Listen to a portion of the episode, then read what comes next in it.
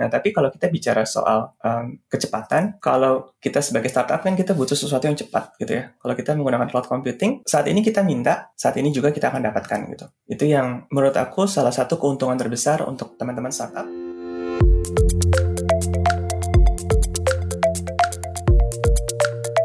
Selamat datang di Ceritanya Developer, podcast yang menampilkan developer, programmer, atau engineer Indonesia inspiratif yang tersebar di seluruh dunia. Bersama saya Riza, kita akan menggali bagaimana mereka berjuang, suka dukanya dalam perjalanan karir, hingga kesalahan konyol saat ngoding. Dan sekarang kita sudah bersama dengan salah satu apa ya, orang yang sehari-harinya nongkrong dan pekerjaannya itu ngurusin awan, tapi bukan pawang hujan. Latar belakangnya cukup uh, bervariasi, jadi mulai dari konsultan, project planner, ada pre-sales manager, mentor-mentor juga di beberapa program sampai jadi pernah jadi uh, manager infra. Langsung aja kita sapa Johannes Glenn, Customer Solution Consultant di Google. Halo Glenn, gimana kabarnya? Halo Mas Risa, Baik-baik. Gimana juga kabarnya? Alhamdulillah sehat, baik uh, semuanya. Nah, mungkin uh, sebelum mulai kita uh, boleh tahu dong siapa sih sosok Glenn ini dan ingin dikenal sebagai sosok yang seperti apa? Wah, itu pertanyaan yang cukup menarik tuh. Ingin dikenal sebagai siapa gitu ya. Mungkin salah satu yang aku pengen dikenal adalah seseorang yang bisa diajak ngobrol tentang cloud, tentang open source gitu ya. Walaupun nggak ahli gitu, tapi mungkin itu salah satu yang aku pengen dikenalnya. Tapi kalau sosok Glenn ini sendiri, mungkin quick introduction aja. Um, teman-teman yang belum kenal, saya Glenn. Saya sebagai Customer Solution Consultant di GCP. Saat ini lebih banyak mengarah ke tadi bilang Mas Riza bilang adalah pawangnya awan bukan pawang hujan gitu ya. Jadi uh, lebih banyak ke consultation technology di tentang Google Cloud. Tapi kalau boleh tarik mundur dulu academic year saya lebih ke arah software engineer. Terus tadi di Mas Riza juga cerita saya saya juga masuk ke project planner. Uh, setelah itu melalang buana ke infrastruktur. Dari infrastruktur akhirnya bisa masuk ke cloud dan akhirnya sampai ke role yang saat ini. Oke. Nah, boleh diceritakan nggak momen di saat uh, Glenn ini tertarik ke dunia teknologi sampai akhirnya sekarang memutuskan berkarir di teknologi? Jadi dulu itu ya, kapan ya? Since kayaknya dari dari aku SD deh. Dulu itu kan kayak personal computer, uh, laptop itu kan kayak mewah banget gitu ya. Dan kebetulan aku ada paman yang uh, berkecimpung di dunia education. Jadi dari dulu dia banyak bekerja di sana dan kebetulan dia punya laptop gitu dan dia memperkenalkan Glenn ini adalah WordStar gitu. Terus kan zaman dulu, wah keren banget ya kita bisa membuat tulisan di luar daripada mesin tik yang zaman dulu masih manual banget gitu. Terus kayak apa aja yang bisa dilakukan dengan komputer. Terus berkembang ke SMP, SMA, mulai ada lab komputer di sana, uh, belajar tentang Visual Basic. Terus kok keren ya kalau kita bisa membuat sesuatu dari apa yang kita pikirkan gitu, apa yang kita rancangkan dan kita bisa buat dari sana tanpa kita harus siapin bahan baku yang cukup repot gitu. Kalau kita mau masak kan kita harus beli bahan bakunya, siapin ini dan itu. Kalau kita mau bikin hal-hal yang lainnya kita harus ada bahan baku, tapi dengan adanya programming ini kok kayaknya kita bisa menuangkan apa yang kita inginkan dan kita bisa mendapatkan hasilnya gitu. Tapi jujur waktu itu Mas Riza aku belum tertarik tuh ke arah IT. Karena di sekolah sebenarnya aku tertariknya ke arah biologi, kimia gitu ya. Kalau kita bisa nyampur ini hasilnya begini gitu ya. Kalau kita melakukan ini hasilnya begini. Nah aku tertarik dengan hal yang seperti itu. Tapi sayangnya ketika besar aku mulai aware kok kayaknya aku ada partial color blind di sana gitu. Jadi kayak oke okay, kimia kayaknya udah gak mungkin. Biologi kayaknya udah gak mungkin juga. Kedokteran gitu kan kayak gak mungkin. Yang mungkin apa ya kayak menarik kemarin kayaknya IT deh. Gimana kalau aku coba ke IT dan dari situ aku mulai uh, perjalanan tuh Mas bisa mulai belajar tentang uh, coding, mulai belajar tentang hal-hal yang sifatnya software engineering dan kawan-kawan. Dan ya, yeah, that's the start of the career gitu Mas Risa. Oke, jadi memutuskan untuk terjun ke eh, dunia teknologi pas kuliah ya di BINUS ya kalau nggak salah. Betul. Jadi benar-benar memutuskan ya udah deh kayaknya ini salah satu yang aku pengen saat ini gitu. Nah, selama apa? Selama berkarir gitu ya di dunia teknologi, ada momen yang membanggakan nggak se sejauh ini? Nah, kalau dari dunia IT sendiri sih sebenarnya salah satu kenapa saya suka dengan role yang sekarang Mas Risa. Jadi kalau boleh cerita sedikit ya perkembangan karir aku dari awal itu kan pas academic year kan software engineering gitu. Fokusnya uh, programming belajar tentang software engineering. Tapi ketika mulai masuk ke pekerjaan pertama karena network karena kenalan-kenalan Glenn let's join di sini gitu. Ada multinational company kita tertarik terus join ke sana tapi akhirnya masuknya ke PMO gitu. Mulai belajar tentang project management masih ada scripting scripting. Terus mulai ada kesempatan masuk sebagai consultant terus belajar tentang middleware tentang belajar tentang beberapa tools tools lainnya di sana. Saya mulai belajar jadi consulting. Gimana caranya saya bisa menyampaikan sesuatu ke customer dan ke customer itu bisa mendapatkan opsi yang baru dan mereka bisa mendapatkan keuntungan dari sana gitu. Nah, jadi mungkin konteksnya adalah salah satu yang membanggakan buat saya adalah ketika saya bisa datang ke customer, customer punya satu permasalahan, satu objektif gitu ya. Terus saya bisa mencari sebuah solusi yang cocok dengan mereka, bekerja sama dengan mereka dan melihat hasilnya gitu. Jadi itulah salah satunya kenapa saya senang banget dengan role yang sekarang. Terutama ketika kalau lagi ngobrol uh, dengan beberapa customer yang mungkin sifatnya company-nya mungkin agak tradisional sebutannya gitu ya, yang lebih banyak ke VMs, Terus mereka pengen tahu, Glenn, buzzwords tentang containers ini apa sih? Buzzwords tentang serverless ini apa sih? Tapi kan kita tahu bahwa gak semuanya itu adalah jawabannya adalah containers gitu. Gak semua jawabannya adalah serverless. Tapi kita bisa cari tahu mana yang cocok dengan mereka, perjalanan mereka ke mana, dan akhirnya mereka bisa mengadopsi sesuatu, dan akhirnya mereka bisa achieve objektif mereka di tahun itu. Itu sih, Mas Riza, gambarannya. Kalau salah satu yang paling membanggakan gitu hmm. buat aku. Jadi selalu jawabannya itu selalu it depends ya, tergantung kebanyakan banyak hal gitu ya. Variabelnya banyak ya. betul, it, it depends. Sebenarnya tergantung apa ya? Tergantung banyak hal ya Mas Riza ya. Bener gak sih? Iya betul. Tergantung produknya juga ya kan, tergantung timnya. Exactly. Teknologi is one thing, tapi mm -hmm. sebenarnya people sama culture itu yang ya. kayaknya lebih berperan penting ya di sana kalau menurut aku sih. Hmm, people sama culture uh, sama itu ya, culture jauh lebih penting daripada hanya sekadar teknologi ya. Hmm. Oke. Okay. Nah, kalau tadi momen membanggakan, kalau misalkan kesalahan konyol gitu atau pernah melakukan kesalahan-kesalahan bodoh nggak sih? kalau pernah sering sih, sering, sering ya. yang yang paling memalukan lah, ada nggak sih? Bisa yang bisa di share? Ya, jadi kalau kalau kalau apa ya kalau overviewnya kayak kebetulan karena aku kan sebenarnya bukan owner of the product gitu ya, jadi bukan pemilik productionsnya gitu kan. Jadi uh, kesalahan kayak uh, delete cluster, salah delete cluster gitu ya, which is sering gitu karena oh, oke okay, automationnya seperti ini, tapi karena kita masih ada di environment dev atau environment QA sebelumnya gitu ya. Ini karena belum berpengalaman di cloud waktu itu, mulai belajar cloud, ada automations, klik automations gitu, running. Oh, I'm running infrastructure as code, tapi tiba-tiba, ups, salah parameter, clusternya hilang gitu kan kan. Uh, itu pernah kejadian kayak gitu. Tapi untungnya bukan production karena production kita nggak akan sentuh-sentuh seperti itu gitu ya. Tapi kalau boleh sih satu yang paling memalukan itu ketika waktu itu lagi mau mau demo, mau presentations. Terus ketika lagi mau presentations, biasa kan kita kan uh, ada apa ya kayak kita ada persiapan dulu. Terus ketika persiapan biasanya muncul tuh pertanyaan-pertanyaan. Ah, kalau begini kita melakukan apa? Kalau begini kita melakukan apa ya? Terus kita testing. Kalau persiapan demo yang tepat gitu, seharusnya kita kembalikan ke semua environment yang sesuai dengan demo, lalu kita lakukan demonya gitu. Karena waktunya sedikit, uh, waktunya agak mendadak, jadi kita persiapannya agak buru-buru gitu ya.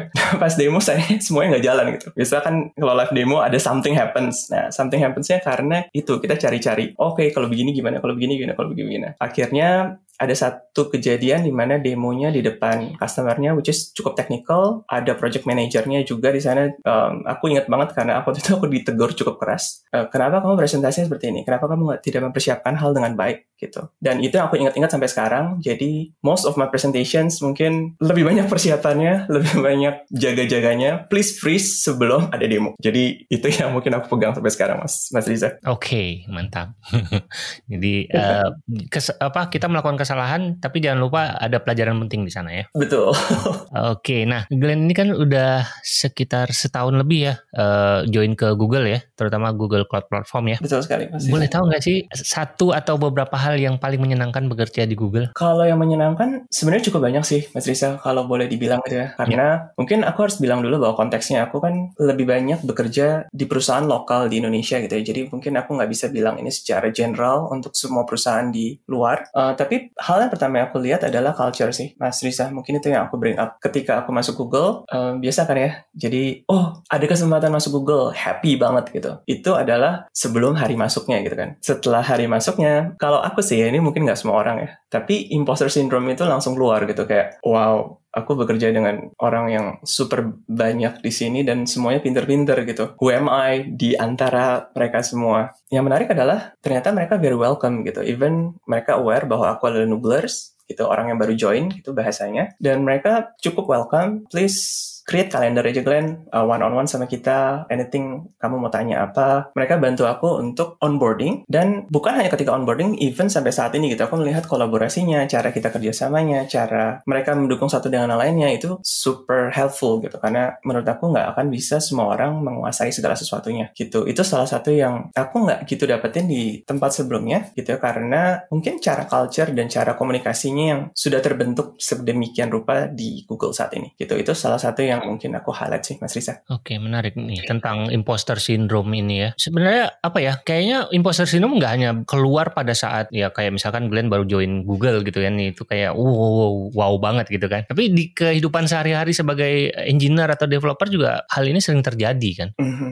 Betul, betul banget. Terus ada ada tips nggak kira-kira buat supaya menekan si imposter syndrome ini biar nggak terlalu uh, apa ya menjajah diri kita gitu gimana sih? Kalau kalau Glenn tadi kan kebetulan ketemu dengan culture yang tepat dan itu sangat apa ya sangat mendukung uh, dan mereka mungkin udah tahu gitu, udah aware bahwa akan ada pikiran-pikiran negatif gitu kan. Tapi kalau misalkan buat teman-teman yang lain mungkin sedang merasa imposter gitu, mungkin ada ada tips supaya lebih percaya diri gitu? Hmm, kalau jadi waktu pertama kali ketika aku mengalami hal seperti itu gitu ya. Terus aku coba ngobrol dengan banyak orang dan jawaban mereka sama gitu. Jadi bahasa mereka adalah just accept it gitu. Kalau menurut kamu gitu kan, karena biasanya yang membuat imposter syndrome itu sebenarnya bukan environment tapi sebenarnya diri kita sendiri. Uh, kalau menurut kamu kamu kurang baik, just accept it. Nah pertanyaan selanjutnya adalah kamu akan melakukan apa dari sana gitu. Jadi itu yang aku belajar sih dari mereka semua. Jadi aku punya dari dulu aku punya satu apa ya satu moto kali ya Mas Risa ya. Jadi kalau di apa di dunia application development gitu kan ada CI/CD gitu kan, continuous integrations, continuous delivery, deployment. Nah ini continuous improvement aja kalau menurut aku jawabannya adalah itu. Jadi uh, kalau kita tahu saat ini kita itu ada di posisi yang mana, kita ada lemah di sebelah mana, dan kita mau fokus di sana, create a plan, uh, belajar dikit,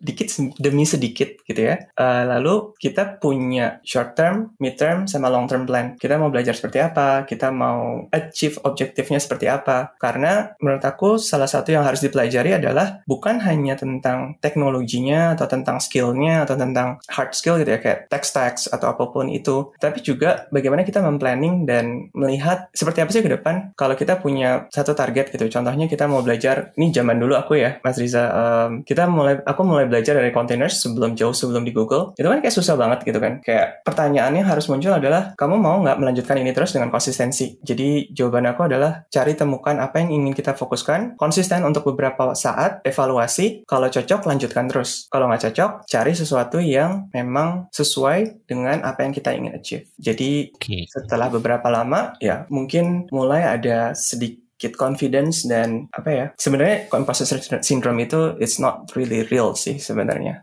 Hmm. gitu. Ya, ya. Jadi intinya sebenarnya jangan jaim lah ya. Kadang-kadang. Iya benar.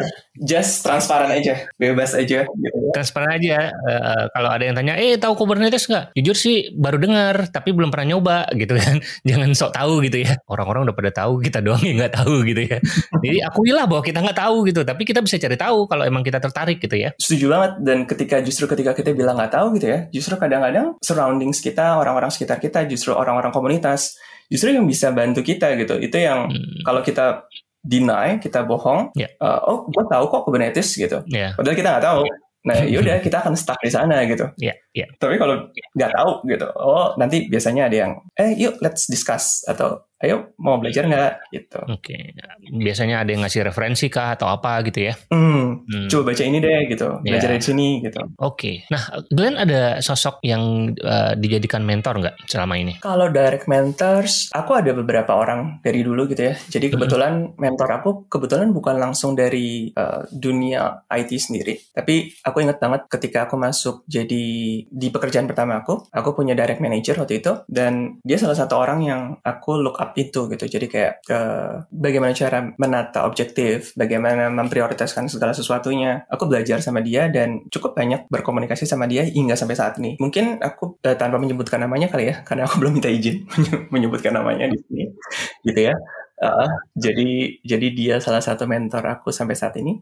Dan hmm. kalau role soul sih banyak sih, Mas Riza. Ini salah satu Mas Riza juga. Kan aku banyak mendengarkan. jangan, jangan. Nggak boleh. Yang lain aja.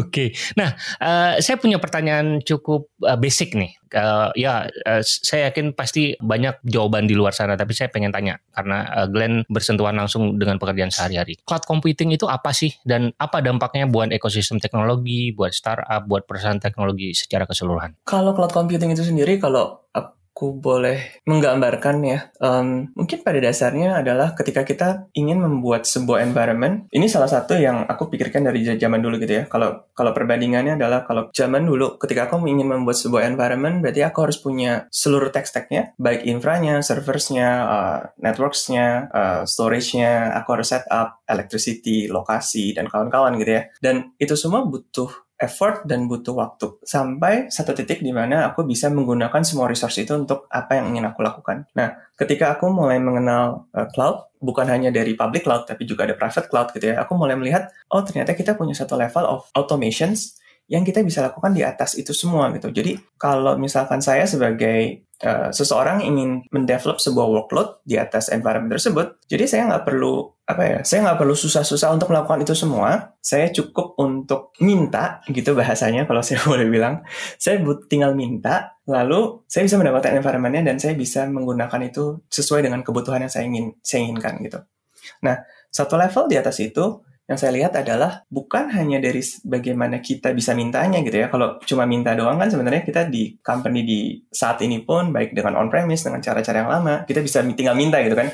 Minta ke tim IT terus tim IT akan sediakan. Nah tapi kalau kita bicara soal um, kecepatan, kalau kita sebagai startup kan kita butuh sesuatu yang cepat gitu ya. Kalau kita menggunakan cloud computing saat ini kita minta, saat ini juga kita akan dapatkan gitu. Itu yang menurut aku salah satu keuntungan terbesar untuk teman-teman startup. Dan yang kedua adalah selain daripada itu adalah adalah dari sisi cost. Kenapa? Karena cara penggunaan cloud adalah kamu membayar apa yang kamu gunakan gitu. Kalau kamu nggak menggunakan, means kamu nggak perlu bayar. Jadi itu adalah dua hal yang kombinasi yang menurut aku sangat berguna, baik untuk semua tipe bisnis baik startup, baik uh, traditional company, maupun untuk teman-teman yang sebenarnya ingin belajar, Mas Risa. Ini yang mungkin salah satu yang aku ingin share juga. Ketika kita punya sebuah, ketika kita punya sebuah bisnis ataupun kita punya sebuah sebuah workload yang ingin kita deploy gitu ya, berarti kan kita akan butuh team members yang punya kemampuan untuk melakukan itu semua. Nah, ketika aku banyak berkecimpung di dunia infrastruktur sebelumnya, salah satu kesulitannya adalah bagaimana caranya aku bisa belajar tentang meng mengoperasikan itu semua dengan tepat. Nah, ketika waktu dulu, berarti kalau kita mau melakukan itu, baik belajar, baik development, ataupun productions, berarti kita harus beli barangnya, which is cost-nya cukup tinggi. Belum lagi lead time-nya, barangnya harus dikirim dulu, kita harus siapin dulu, kita harus prepare semuanya dengan baik. Nah, dengan cloud, saya bisa melakukan itu semua dengan klik gitu. Jadi, hanya tinggal minta saat ini, kita dapatkan resource-nya,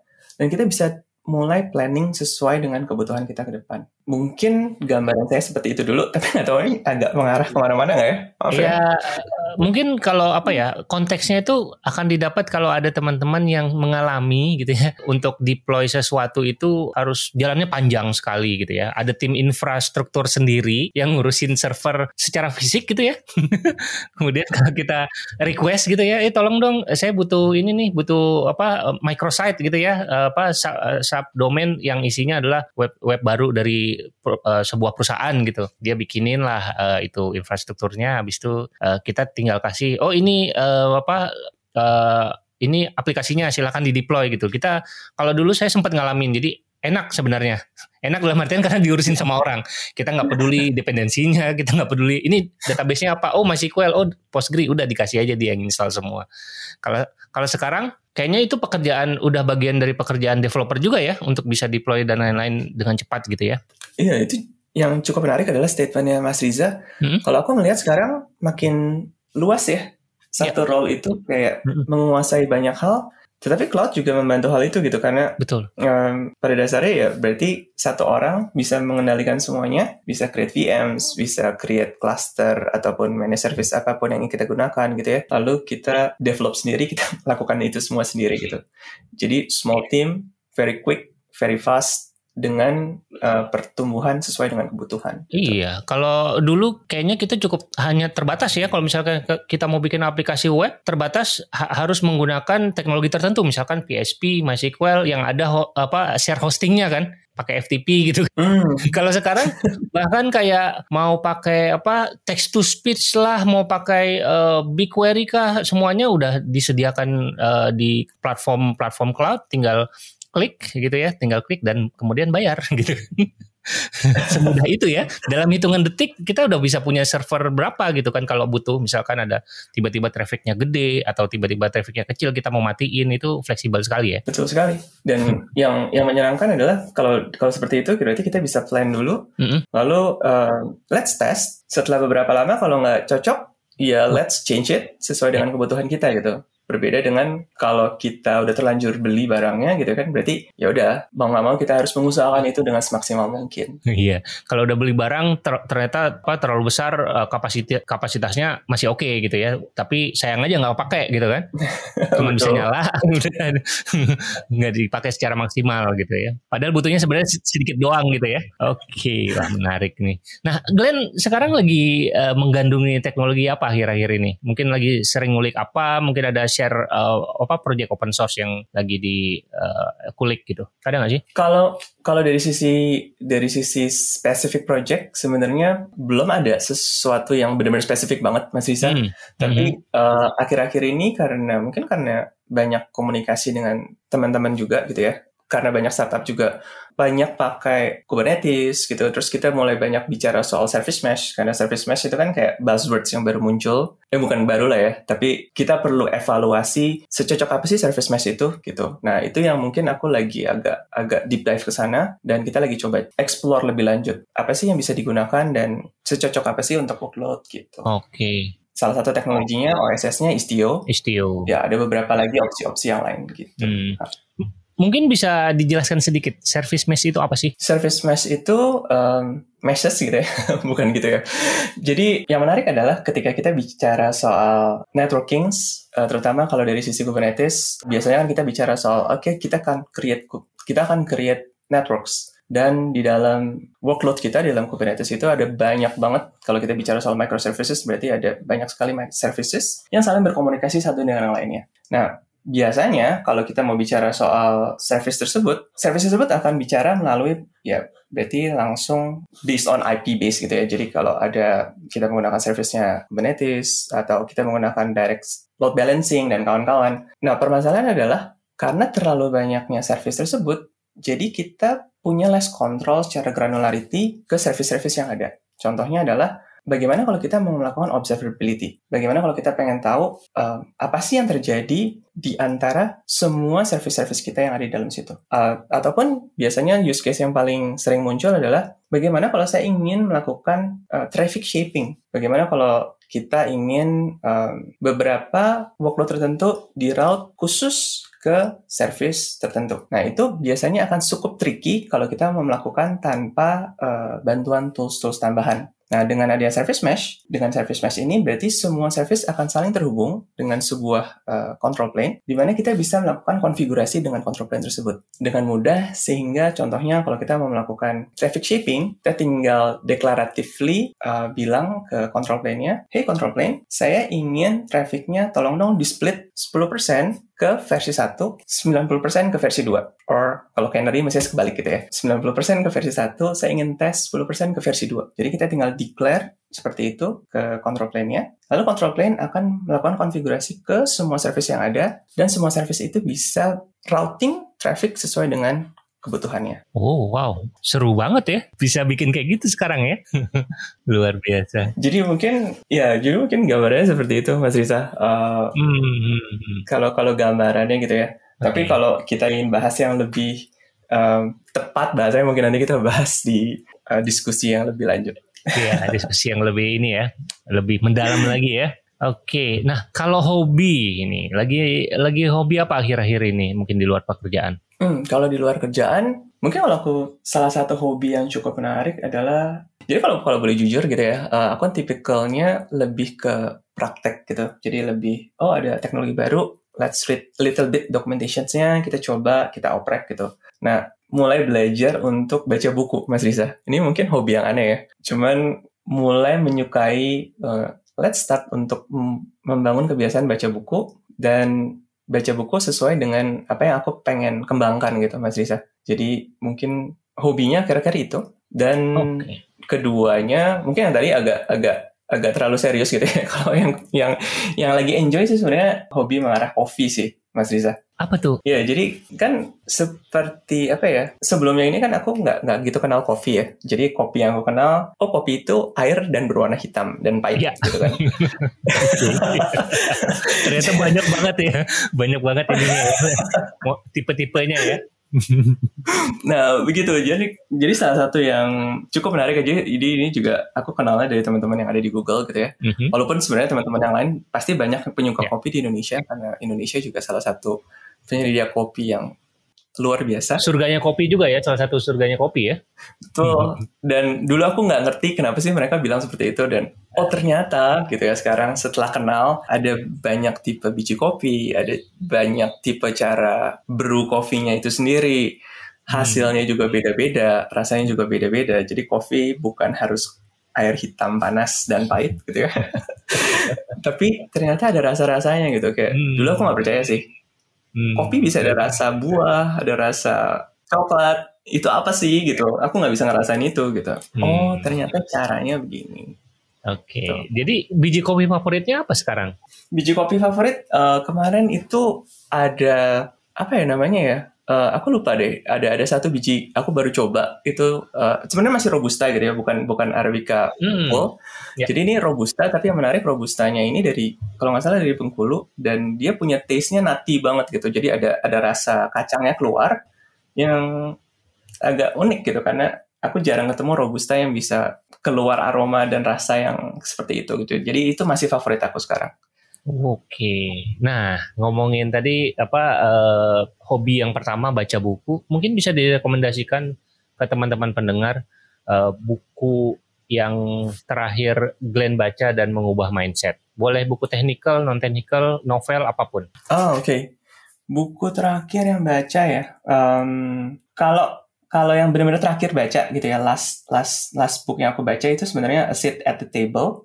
Itu dari Mark Schwartz apa ya salah satu reasonsnya kenapa aku baca buku ini karena aku pengen dapetin value-nya apa sih sebenarnya kalau kita bicara soal uh, pertanyaan yang paling paling sering muncul di aku sendiri gitu ya. Sebenarnya kalau kita bicara soal value, IT itu bawa value apa sih? Bagaimana sih IT bisa memposisikan dirinya di uh, level bisnis gitu? Nah, aku pengen explore banyak ke sana karena of course di role-nya aku aku harus banyak bisa bukan hanya bicara mengenai teknisnya, tetapi juga bagaimana sih value-nya apa sih dari semua itu gitu. Jadi itulah yang lagi aku baca akhir-akhir ini. Oke, okay, buku yang kedua tadi salah satunya aku baca adalah Prime to Perform gitu ya. Ini tadi di written by Neil Doshi. Nah itu salah satunya aku tertarik karena uh, cukup menarik ketika kita mau bicara soal performance, ketika kita bicara soal people, team, apa sih yang kita bisa pikirkan, apa sih yang bisa kita measure. Nah itu pertanyaan yang menarik karena dulu sebelum sebelum aku join di Google, aku kan sebenarnya sifatnya lebih ke people manager gitu kan. Dan it's very hard untuk measure dari sisi technical gitu. Karena roles yang aku pegang, yang aku manage itu sifatnya pre-sales, berarti antara selling dan technical gitu. Nah, itu yang gimana sih caranya, pertanyaan aku dari dulu, gimana sih caranya kita bisa measure performance tim kita, tapi bukan hanya dari sisi Oke, okay, kalau sales kan berarti kan dari sisi angka, kuota gitu ya.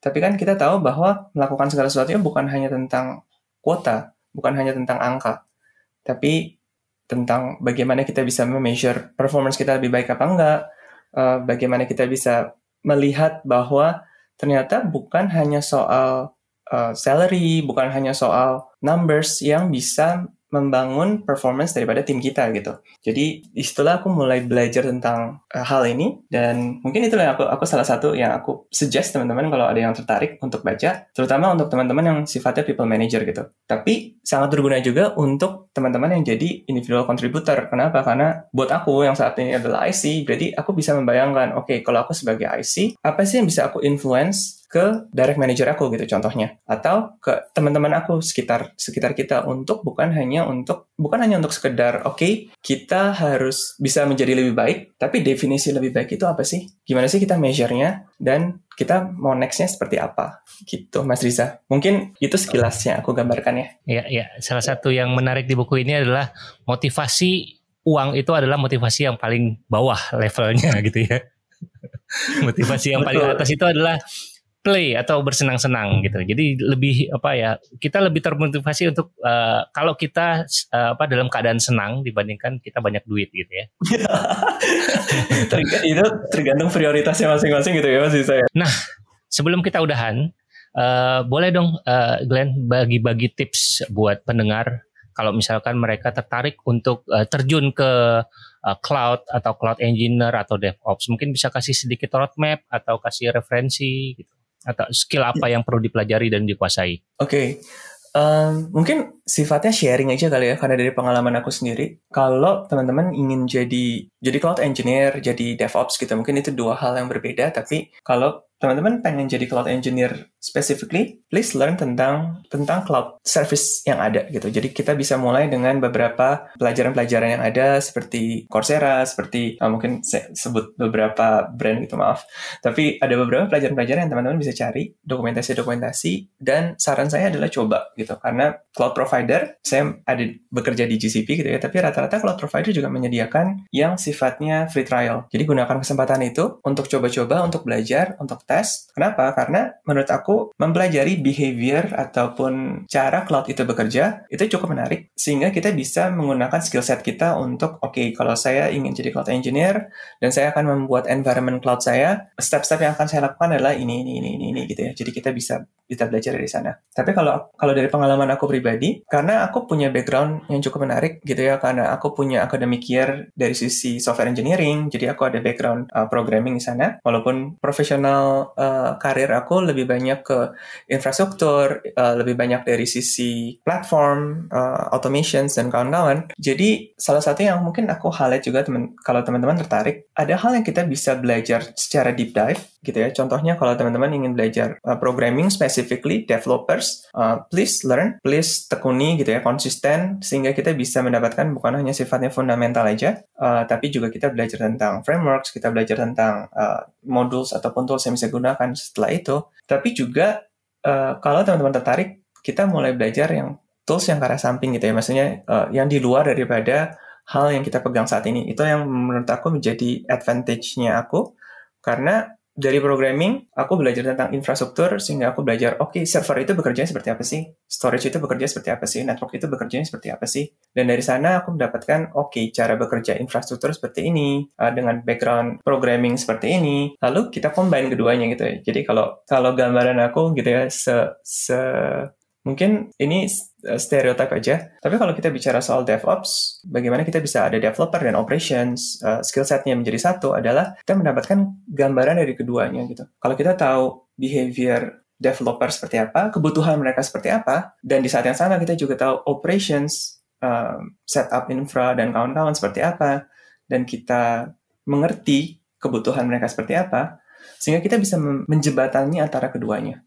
Kalau enggak, mungkin kita akan sangat sulit untuk mengenal kedua dunia itu gitu. Karena du dua dunia itu mungkin berbicara dengan hal yang berbeda. Jadi mungkin suggestion aku adalah seperti itu. Uh, start learning sesuatu yang kita punya saat ini.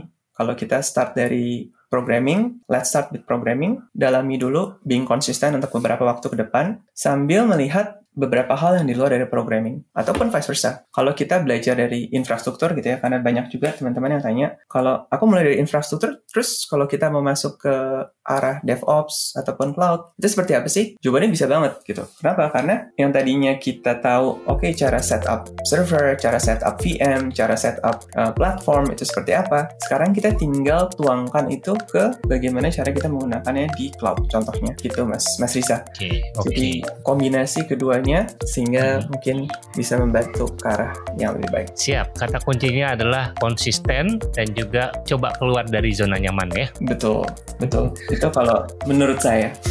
Oke, terima kasih banyak uh, Glenn atas uh, cerita menariknya. Uh, sukses terus untuk karir dan kehidupannya. Sama-sama Mas Risa, thank you untuk kesempatannya dan thank you banget. Terima kasih buat narasumber yang sudah menyempatkan waktunya untuk hadir dan berbagi cerita di ceritanya developer. Kritik dan saran bisa dilayangkan ke riza@diptech.id atau mention lewat Instagramnya Diptech di @diptech.id dengan hashtag ceritanya developer. Dan buat teman-teman yang ingin ngobrol bareng dengan saya atau penggiat teknologi lainnya, boleh gabung ke Discordnya Diptech di bit.ly slash Discord. Sampai jumpa di episode berikutnya. Bye!